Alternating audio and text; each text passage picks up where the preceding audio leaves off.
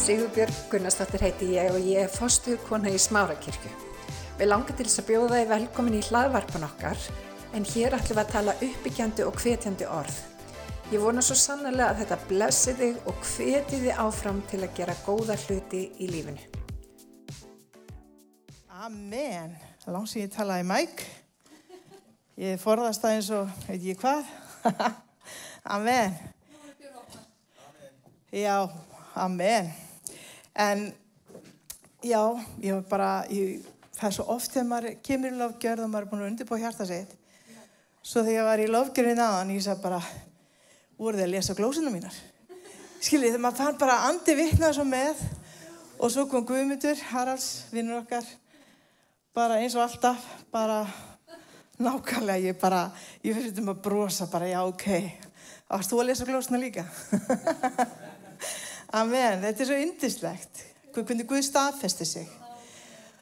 Og oft, eins og þeim, ég finnst oft þegar ég er að undirbúa mig og fara að gefa orð Guðs, mér finnst út af því að Guð er svo stór. Því meira sem maður fer að kafa í orðið og nálgast hann, þá finn, ég mig svo smáa. Og mér finnst ég að hafa svo lítið. En það sem ég ætla að deila með ykkur, það er bara mínar hugleggingar. Sumar er búin að vera að gerjast í mér í langa tíma og aðra í styrtri tíma. En ég er ekki pritikari, en ég er skaman að deila því sem Guð er að gera í hjarta mínu. Amen. Og uh, það sem að hérna hefur Guð verið að tala til mín, það er hvernig við þurfum að nálgast hann og við þurfum að læra að þekka hann persónlega og líka að við séum þekkt af honum. Amen. Að við séum að þeim stað að hann bregst við, orðum okkar, hann bregst við bænum okkar. Og við sjáum þetta í nokkurnu stöðum í biblíinni, hvernig hann bregst við og líka hvernig hann segir, ég þekkt ykkur ekki. Og ég sagði mér, ég vil vera þekkt af honum. Ég vil ekki standa fyrir framann og segja, heyrðu, ég veit að þú varst kannski að fulla en ég þekki þið ekki. Við vorum ekki að gera því hans nafni, að því við vorum ekki tengd við hans nafn, tengd við hann í þessu persónulega samfélagi. Og það er það sem að gerist með líf mitt fyrir nokkrum árum að líf mitt tók uppegi þessu. Og hérna, hann þráir, nummer 1, 2, 3, eiga þetta persónulega samfélag við okkur. Ég frelsaðist fyrir 39 árum síðan í kotunu, kirkjulega koti á, á kotmáti Vestmarki og það er eitt stærsta og besta skref, bara besta skref í lífinu. Og ég hef aldrei langað að snúa við, mér hefur aldrei langað til að bakka út. Ég hef alltaf verið rosalega þakklátt og aldrei langað að yfirgefa þetta, yfirgefa Guð á nokkurn hátt. Hann er búin að vera með mér, vera, með mér í getnum þessi 39 ár og við Kolli frelsumst á sama tíma. Á mótinu Kolli fór í hendunum minna samkomi, hann var búin að vera svo erfiður á festaskvöldi og bara, bara far þú, ég ætla bara að vera að passa barnið. Og hann kom út með eins og hann lísti á kvotmótinu með herðatrið í mununum og amma gamla við liðina hann er svo allsæl og, og þau löpuðu mótið mér og ég bara horfði á þetta og ég bara oh my goodness. Góði Guð, það máttu nýmilegt breytast en þetta er aðeins svo mikið. Og ég hugsaði bara svo bara, hann var þú veist, ég er ekki væmin eðursvari, en hann var allt í náttúrulega ofsalega væmin og fór að tala öðru í sig og, og hérna og mér fannst þetta hálf skrítið og hérna það sem að við vorum búin að vera svolítið í miklum erfileikum í lífokar þannig að þetta var jafn í jafn. En þarna byrjaði Guð bara nýtt upp af svo ég hugsaði mér ég mér langar ekki að missa hennar mann. Þetta er indislega maður sem Guð gaf mér. Og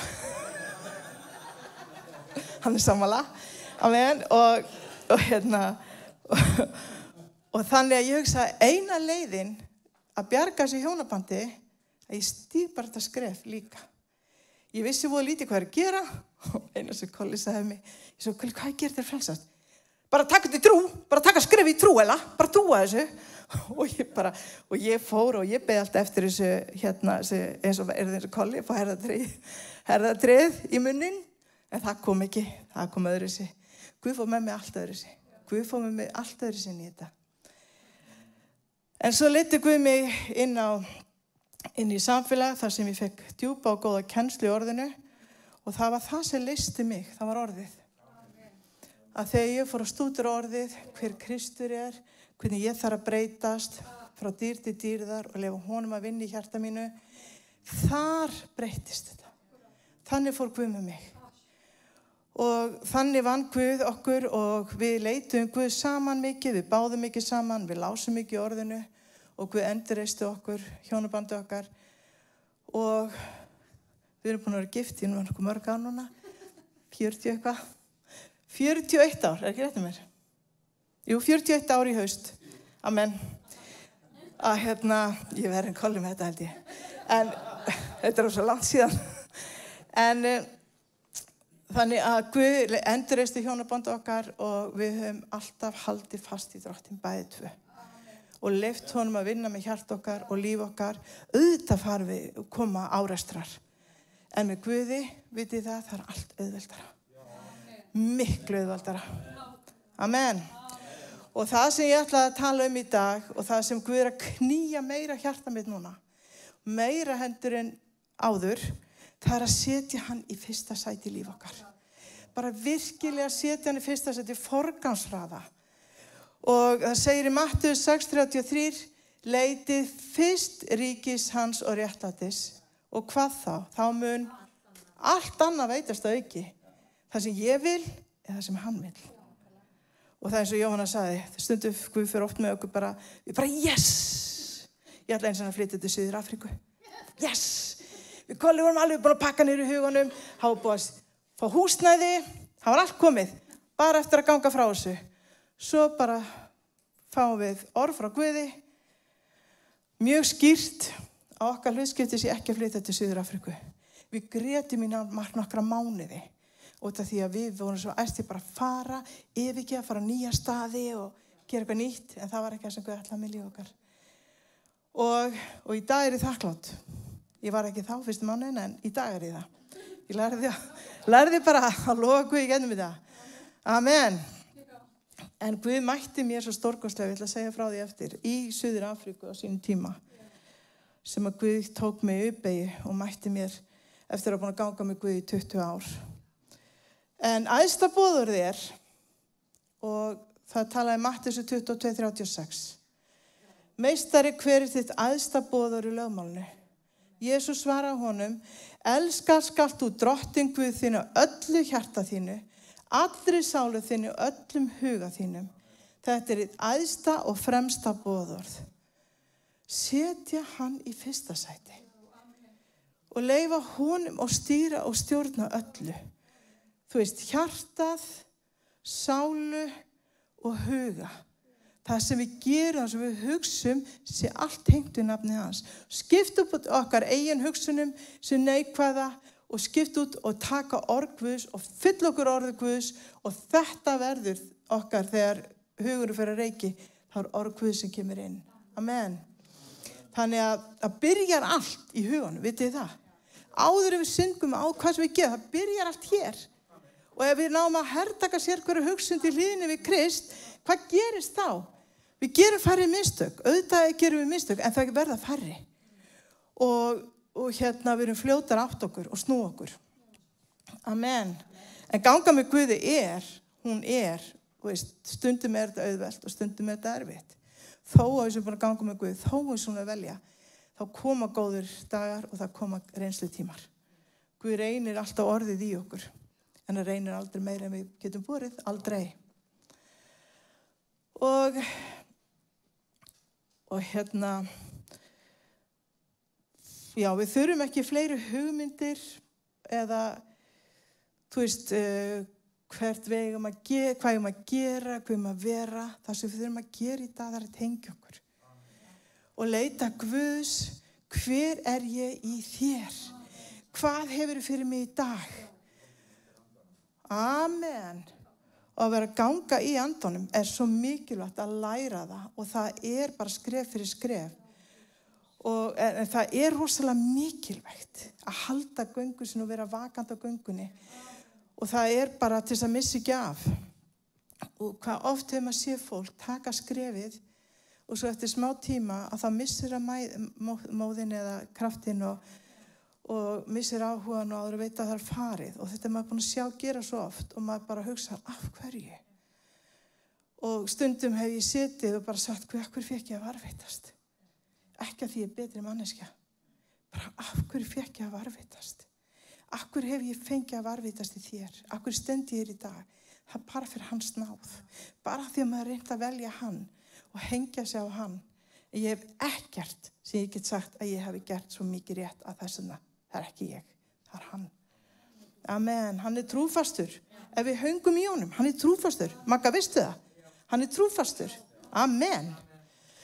Og mér langar að segja ykkur, ég bara áður fyrr, veist, ég fekk gott orð og ég fekk góðan grunn og ég er svo þakklatur hennar grunn. En ykkur að leta veina, þá var ég svo óörug, mér fannst erfitt bara, mér fannst ég alltaf svo ómöguleg og það var til þess að maður var oft svona önugur og uh, mér ég aldrei nóg. Bara og standur fram að fólk eins og í dag Ég skalf, ég gæti ekki dreyð andan. Þess vegna vildi ég bara kenna bönnum og vera að lóka um hvernig bannstundum er slökkljós þegar ég var fín þar. En annars var ég bara, bara ekki byggðað mér. Ég reyndi þetta einu sinni og ég sagði, Guð, þetta er ekki, ég, ég gert aldrei aftur. Og þetta var eitthvað í mér. Ég átti bara erfitt að standa, mér fannst ég svo ömuleg. Mér fannst ég ekki geta prétika eins og kolli. Vist, ég var ekki eins og hann. Þannig að þú veist, við erum alltaf, með okkur við aðra. En Guð hafi bara allt annað fyrir mig. Allt annað.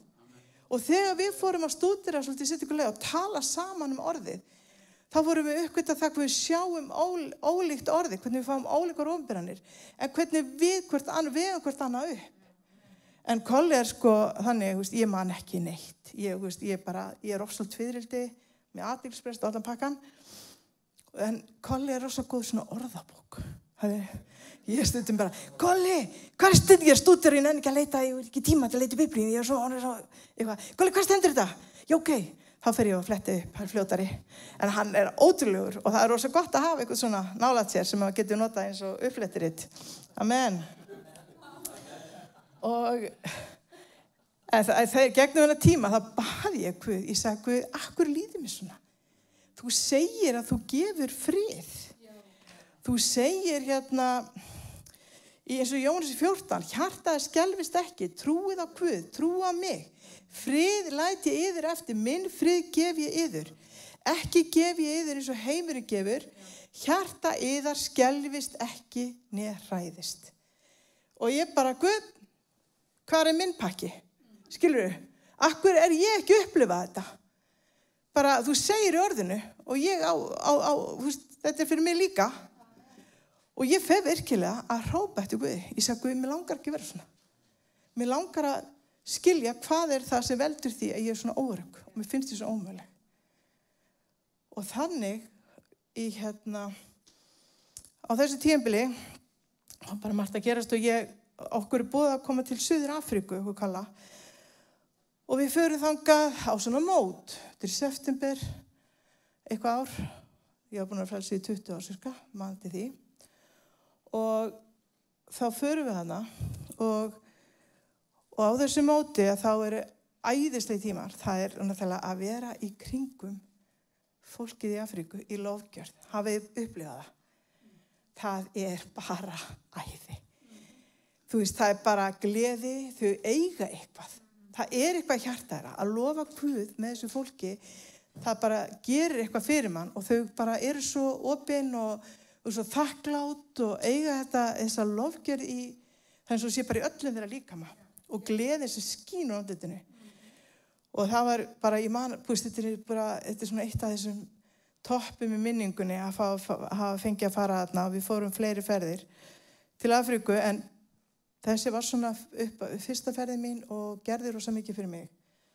Og hérna en þarna var, var þetta var viku sem við vorum, þetta var tjald í miðri Cape Town sem við vorum, það var lofgjör og það var kennslur og það var fyrirlestrar og það var einn eh, hérna pastor frá okkur pínu litli ríki hérna sem mann ekki eins og hvað heitir sem var að kenna á þessi móti og rosalega alvarlegu gaur og ég vart að hugsa af hvernig hann svona þungt yfir honum.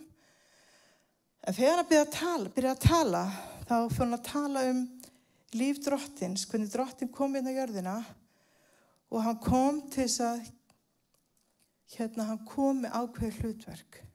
Hann kom hingað, hann fætti sem barn í jötu og hann þurfti að læra að borða, hann þurfti að læra að tala og þú veist, hann þurfti bara hann ólst upp síðan fyrir hann inn í þjónustu sem hann er kallaði til að gera og ekki bara byrja það, heldur klára það og fullkona verkið. Og hann segir, við erum líka kallið til að gera það sama. Við erum kallið til ákveðis verks. Hvað er þú að gera með þitt líf? Ertu að ganga inn í það sem Guð er kallaði til að gera? Eða ertu að gera það sem að þér finnst rétt? Ertu virkilega búin að leita Guðs fyrir því persónlega hver, hvað Guð ætla með þitt eigi líf? Eða ertu að láta aðra menn segja hvað þetta gera? Þú veist, ábyrðin er hér, ekki á neinum öðrum. Ekki á kolla eða yngu, ynga var leiðtóiminn á þessu tíma. Þú veist, það var ekkert það. Það var bara, hvað er þú að gera við líf þitt? Hver er þinn Guð? Og ég bara, ekki bara ég, heldur salurinn, maðurinn, hann gæti ekki klára prétikununa því að það var bara, gerðist eitthvað, andi Guðs fjell. Og fólk bara fjalla gólfið. Og ég teka fram, þetta var í tjaldi, það var búið að vera freka, sem sagt, vætusamt, þannig að moldin var orðin svona rögöld inni, þannig að búið að setja hálm náttúrulega þess að reyna, þetta genst mikið drulla, en það let engi það stoppa sig, það fóru bara allir á gólfið og lágu þar og ég bara gretu og leituðu Guðs. Og þetta var einn mín stæðsta uppegi eftir ég frelsaðist. Það var það, en með þann grunn sem ég hafði þarna fór ég að leita Guðs á nýjan hátt.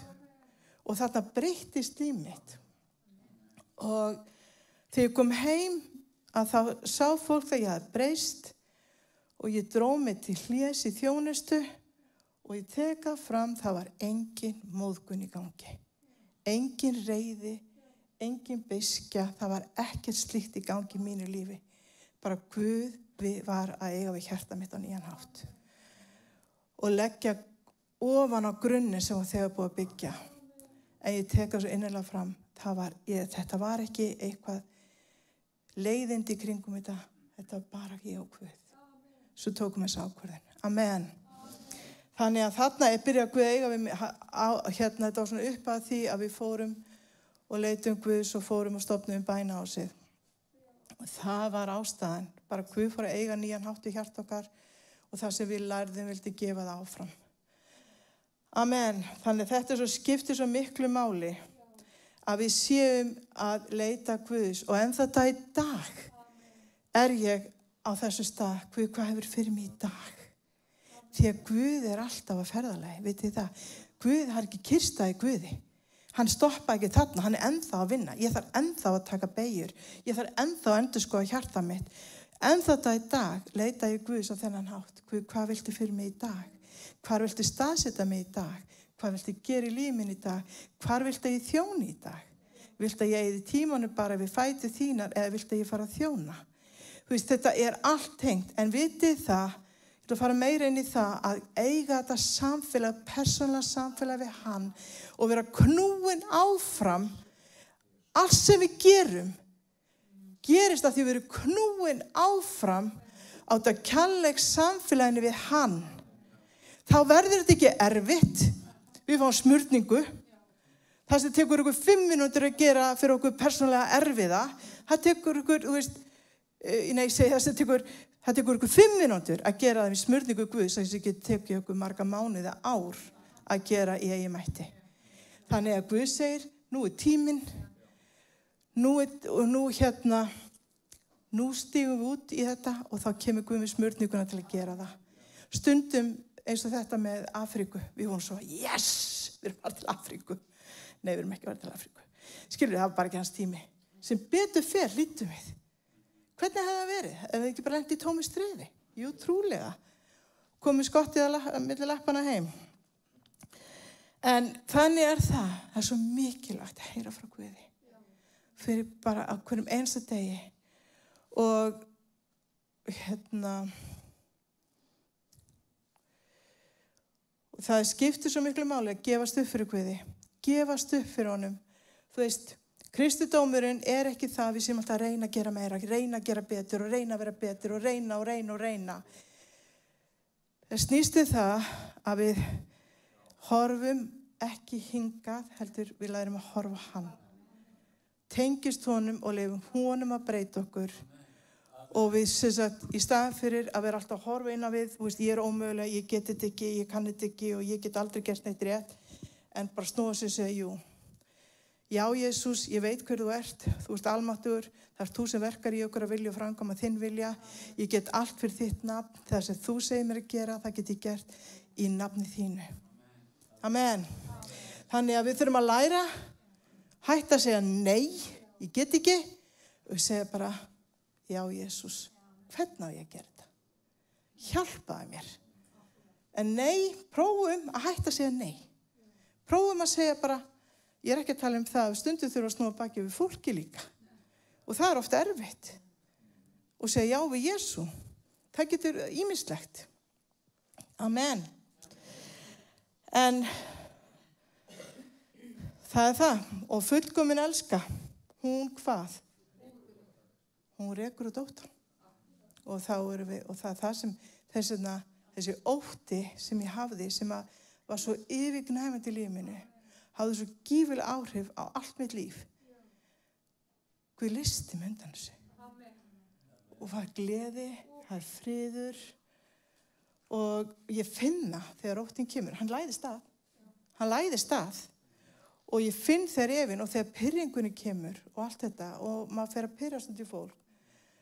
Í dag þá veit ég nákvæmlega af hverju það er. Ég hef bara ekki búin að staðsetja mér rétt.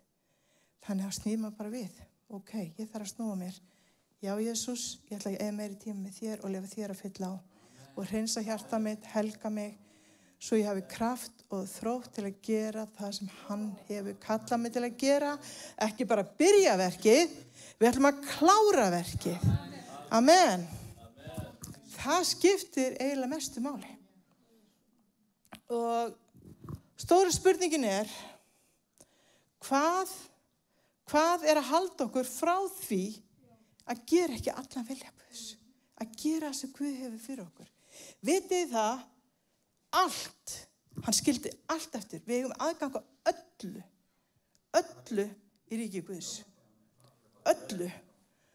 En vitið hvað við erum ofta að gera? Við erum oft bara að lifa okkur klingi af því við erum ekki að taka móti því sem Guð er fyrir okkur. Og við þurfum að hætta því. Við erum óbúslega rík Við þurfum að skilja hversu rík við erum af náð og miskun og við höfum aðganga öllu. Skilja hvað við? Við erum svo rík, hann hefur gefið okkur allt og miklu meiri við þurfum að byggja hann um. Ekki vera feimin að byggja hann um. Byggja hann um eitthvað og líka að sé alltaf okkur til, hvað segir, til, til góða. Eitthvað sem drefur okkur alltaf nærunum skilur, sem gerur okkur sterkar í honum. Þannig að ekki að við séum stærri, þetta er eins og við þurfum að læra, við erum átt að þælast fyrir honum. Allt og oft. Við þurfum að læra bara að deyja þessu sjálfi og segja já við hann, segja bara, og hérna, það er ekki ég og ég, svo ætlum að segja þér heiminn. Það er hann, upplýsing kraftur hans, sem að segja þér heiminn. Ég þarf að deyja, skilja þetta fyrir aftan hvað ég vil og hvað mér finnst og segja bara já Jésús upprýsti kraftu þinn.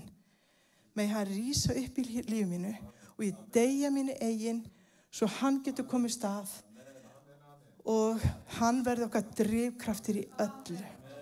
Amen. Og já.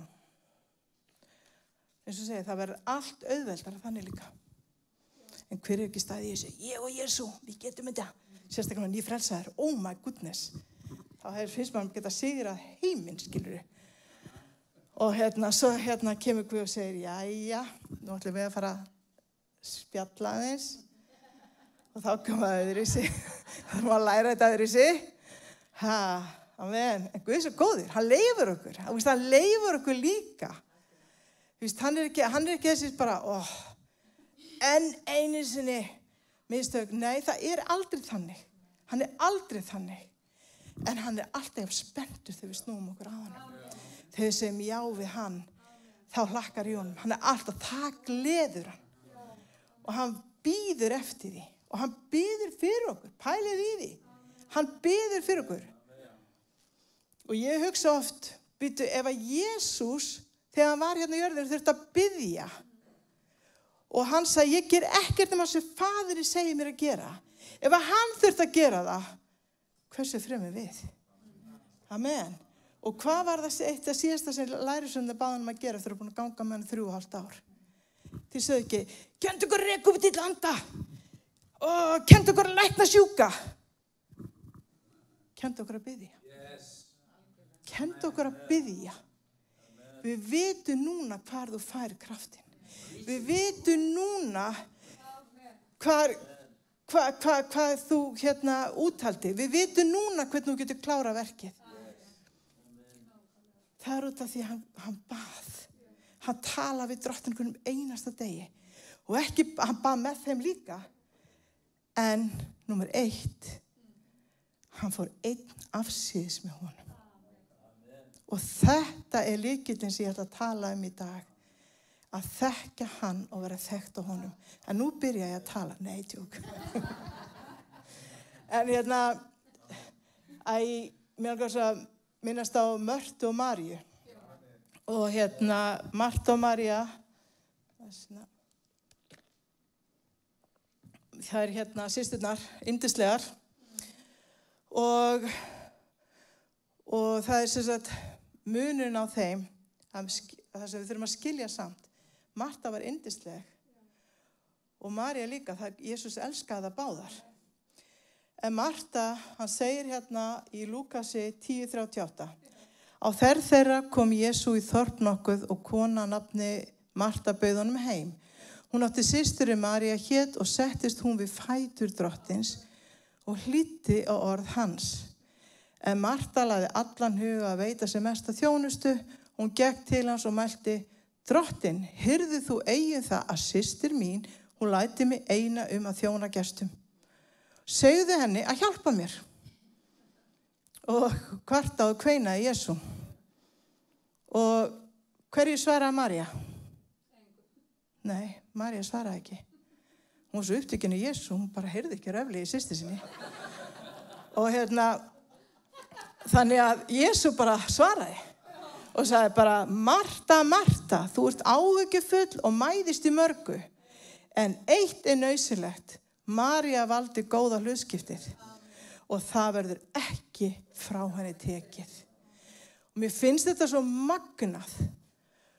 Hvað gerist þegar við tökum augun af Jésu og förum að vera upptikinn í þjónustinni? Þá kemur þetta kvart og kvein og óanæja og óeining. Og það er svo hættulegt. Þannig að það er svo mikilvægt að við séum bara með augun á Jésu og segja já við hann en það er ekki að við þurfum ekki mörgt í líf okkar líka. Við þurfum voðaskálar. En Marta fyrst, og, nei, Marja fyrst, Marja fyrst og svo Marta. Ég er mjög veika þessu, ég er mjög mikið Marta í mér og þetta var mjög mikil biti fyrir mig að læra. Því því ég heyrði þetta að að vera eins og Marja og ekki eins og Marta. Og ég segi bara á enginn að þjóna þá. Þú veist, hvað röflir þetta? Þetta hlýttur eitthvað meira bak við þetta. Og ég veist, ég pyrrast af þessari sögu í nokkur ár. Ég las allt um þetta, alla fyrirlestra, alla bækur, allt eða pyrruð. Og ég bara, guðu, það er eitthvað leindadömur í þessu og ég skal skilja hann. Og ég lá yfir þessu og hann gæti hvað ofinbyrða fyrir mér. Amen. Amen. Og þannig að ef að það er bara Marja, hvað gerist þá? Eða bara Marta. Vitið það, ef við erum bara fyll á og ekkert að gefa af, þá er það bara svo fúlna vatn sem rennir ekkert frá. Þannig það er allt í lögmálinn sem segir, við þurfum báðar. En byrjum fyrst að leifa Jésu að fylla okkur því að við höfum ekkert sjálfa að gefa henni það sem hann hefur gefið okkur. Amen. Og en það sem segir hérna að hún valdi góða hlutskiptið og það að sitja við fæti Jésu. Og það það sem er, þar fáum við ólíuna. Og, og hérna,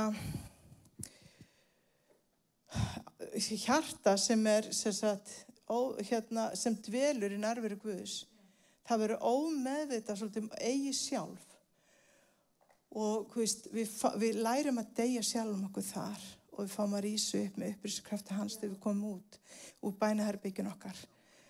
Það er málið, það er þar sem við lærum. Við getum ekki breytt okkur, við getum reynd og reynd og reynd. En það er hann sem þarf að snert okkur. Í nærveri hans, þá umbreytist við frá dýr til dýrðar. Amen. Og það var þannig með Maríu, hún sá ekkert með Jésu í alvöru, hún var bara blind á allt annað, hún bara þegar hann byrjaði að tala þá svogast hún bara þangað. Og hún bara, þú veist, ég get ekki þú veist, ég verð bara að sita hérna, ég verð að heyra sem hann hefur fram að færa. Ekki það, hún vildi ekki hjálpa en hún forgansraði og við þurfum, við, það er oft ímestens tógar í okkur. Við þurfum að gera þetta og þurfum að gera hitt. En forgansraði tíma okkar tökur tíma. Þetta er ekki þannig, já, já, heyrðu, ég ætla, jú, ef ég tíma hana, ég ætla, já, ég ætla að finna, það er ekkert að gera kvöld, ég ætla að, hana, já, að fimm minútur sem ég fann það, ég ætla að segja tíma í þessu. Þetta er, þetta er hluti sem við þurfum að skipilegja. Út af því að það er svo auðvert að draga okkur út úr þessu ef þetta er ekki forgansröðin hjá okkur. Hver áveri fyrsta sæti? Jésu, amen.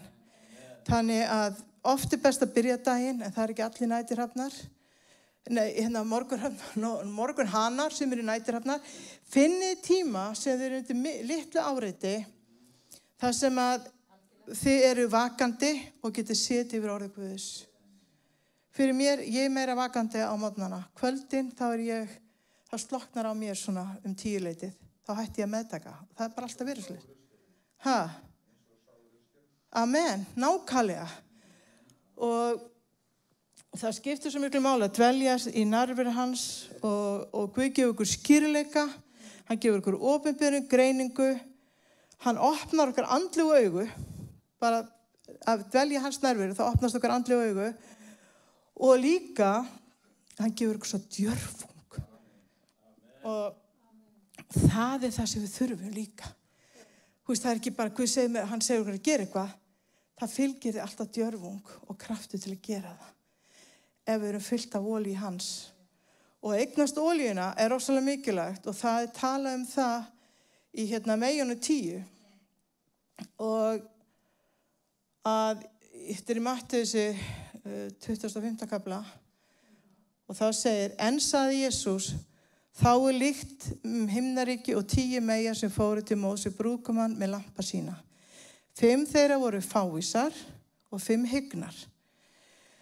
Það er fáisu, tóku lampa sína og höfðu ekki ólíu með sér, en eina hyggnu tóku ólíu með í könnum ásand lampu sínum. Nú dvaldi brúkumannum og örði þar alla sifjar og sopnuðu. Um miðnætti hvað við hróp, brúkumi kemur fara að móts við hann. Þá vöknu megarnar allar og tóku lampa sína. En þar fáisu sögðu við þar hyggnu. Gefið oss af ólíu yðar að því þar að slokna lampu vorum. Það er hegnu svöruðu, nei, hún nægir aldrei handa öllum. Farð heldur til kaupmannana og kaupið handa yður. Við þurfum að kaupa oljuna. Og uh, meðan þær voru að kaupa kom brúkuminn og það sem viðbúna voru gengum með honum inni til brúkhausins og dyrum var lokað. Setna komu hína meðjarnar og sögðu, herra, herra, ljúg upp fyrir oss. En hann svaraði, sannarlega segi yður, ég þekki yður ekki. Og þetta fannst mér svo alvarlegt. Ég fór að hugsa, ef við hefum ekki óli á lömpanum, að þá, þá missum við af.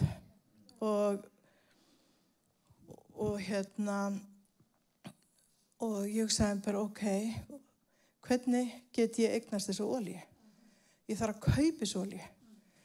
Það er svo ég get ekki gefur að minni. Og þannig er það með persónulega samfélagið meitt við Guð. Ég get sagt ykkur hvað ég geti fengið þessu olju. Það er það að dvelja með honum, hafa hann í fyrsta sæti. Dvelja í narfir hans og segja já við hann, snú okkur og taka tíma frá fyrir hann. Og hvað er það sem að draga okkur frá því? Við þurfum að skoða það. Við þurfum öll að skoða okkar líf og skoða hvernig get ég eignast meiri ólíalampana. Það voru ekki bara þessar hygnu, það voru bæðið með lampana fulla og auka ólíu en það gátt ekki gefið af. Nákvæmlega.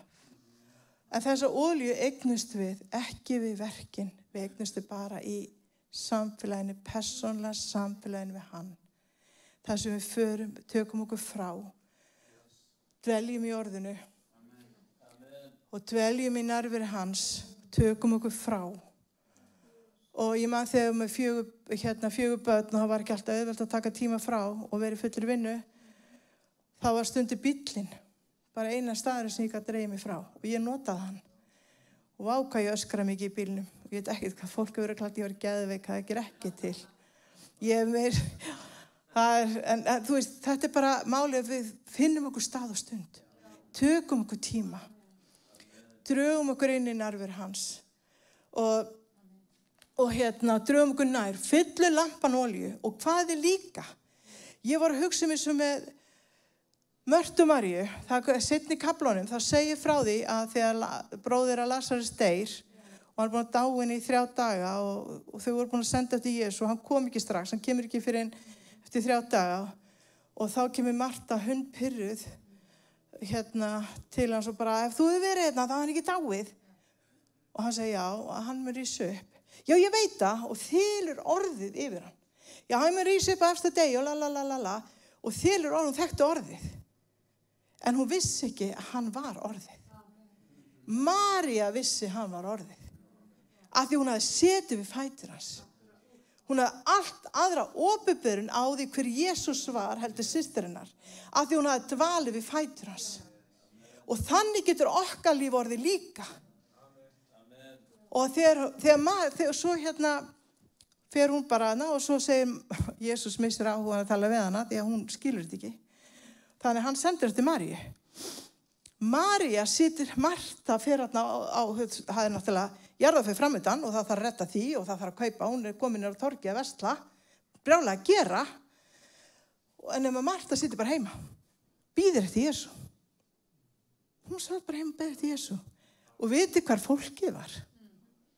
Hvar vildi fólki vera? Það sem var full ólí fullt af ólí á lampanum. Það sem ljósi skein. Það var hjá Maríu. Svo sendur hann eftir Maríu og hún hleypinu á torkið, spennt að hitta hann og þegar hún hittir hann þá bara, bara grætur hún, ferur fætur hans og hvað segir hann við hana? Hann kemst við. Bara hvað er þið lagt hann? Veist, ég ætla strax, ég ætla bara að fara og reysa hann upp. Veist, það var alltaf planið, hann bara þarna var hann að gera þetta. Hvernig hann brást, við, skilur þau? Það þetta heitir að þekka hann og vera þekkt af honum. Hann þekkti hjartinnar og hann brást öðru sér við. Og þetta er svo mikilvægt að eiga þetta samfélag og lampin, við séum ekki bara með eitthvað litla smá ólíu eins og var hjá fáísum, það var smá ólíja en þetta var svona smá týra. En við viljum vera lýsa og við förum þarna og við náum í ólíina, setjum á annað lampan og þá förum við út og lýsum. Það er ljósið sem við erum að gefa til annara. Amen. Þannig að þetta er það sem er bara Guður að vinna í mér og bara núna undarfarna viku, mánuð og ár og núna finnst mér eins og tíminn síðan álgast, ég upplifi það og ég finna þess að það er gífilegu þörf að dvelja við fætur hans og ég er síðustu mánu ár búin að vera óvinnu fær þannig að ég hugsaði mig hvað gaf mér tíma. Og mér ástu erfitt að læra að hafa svona mikið tíma.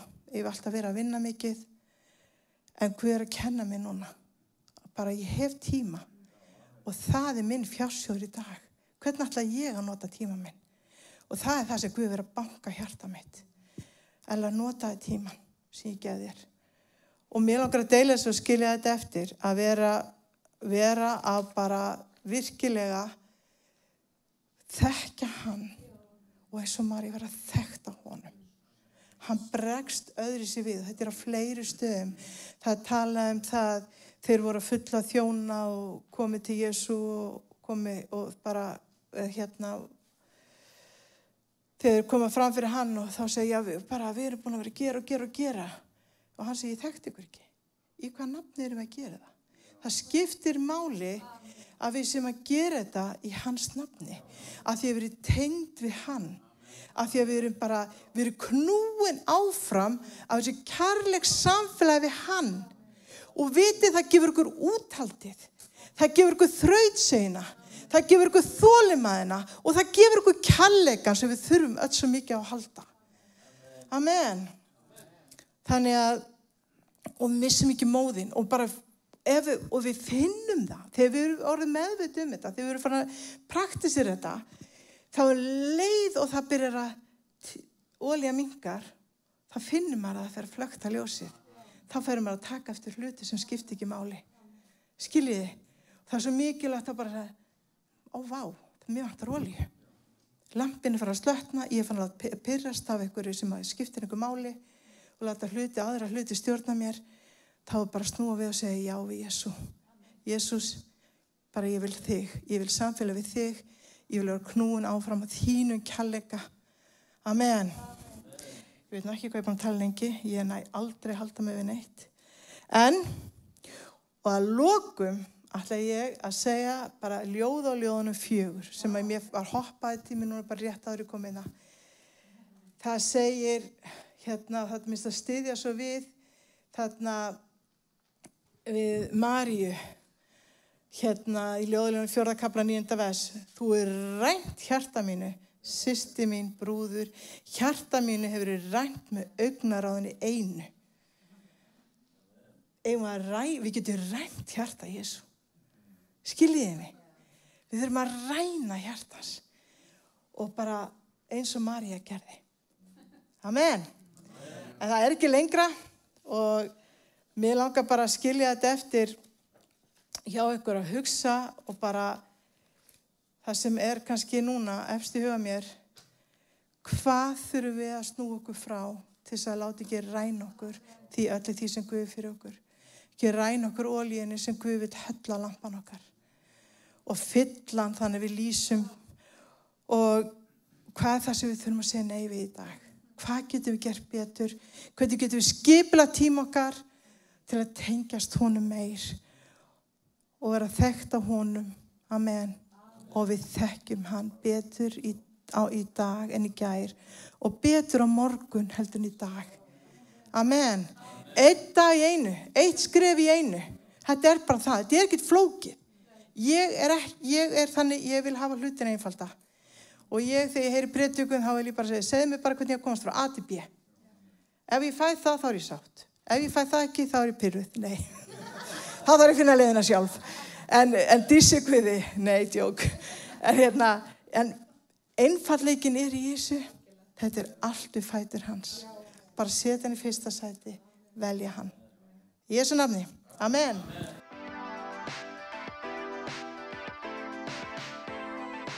hveti til þess að stilla inn á okkur með reglum hætti því að hér verður alltaf eitthvað nýtt á nálinni. Takk fyrir að hlusta.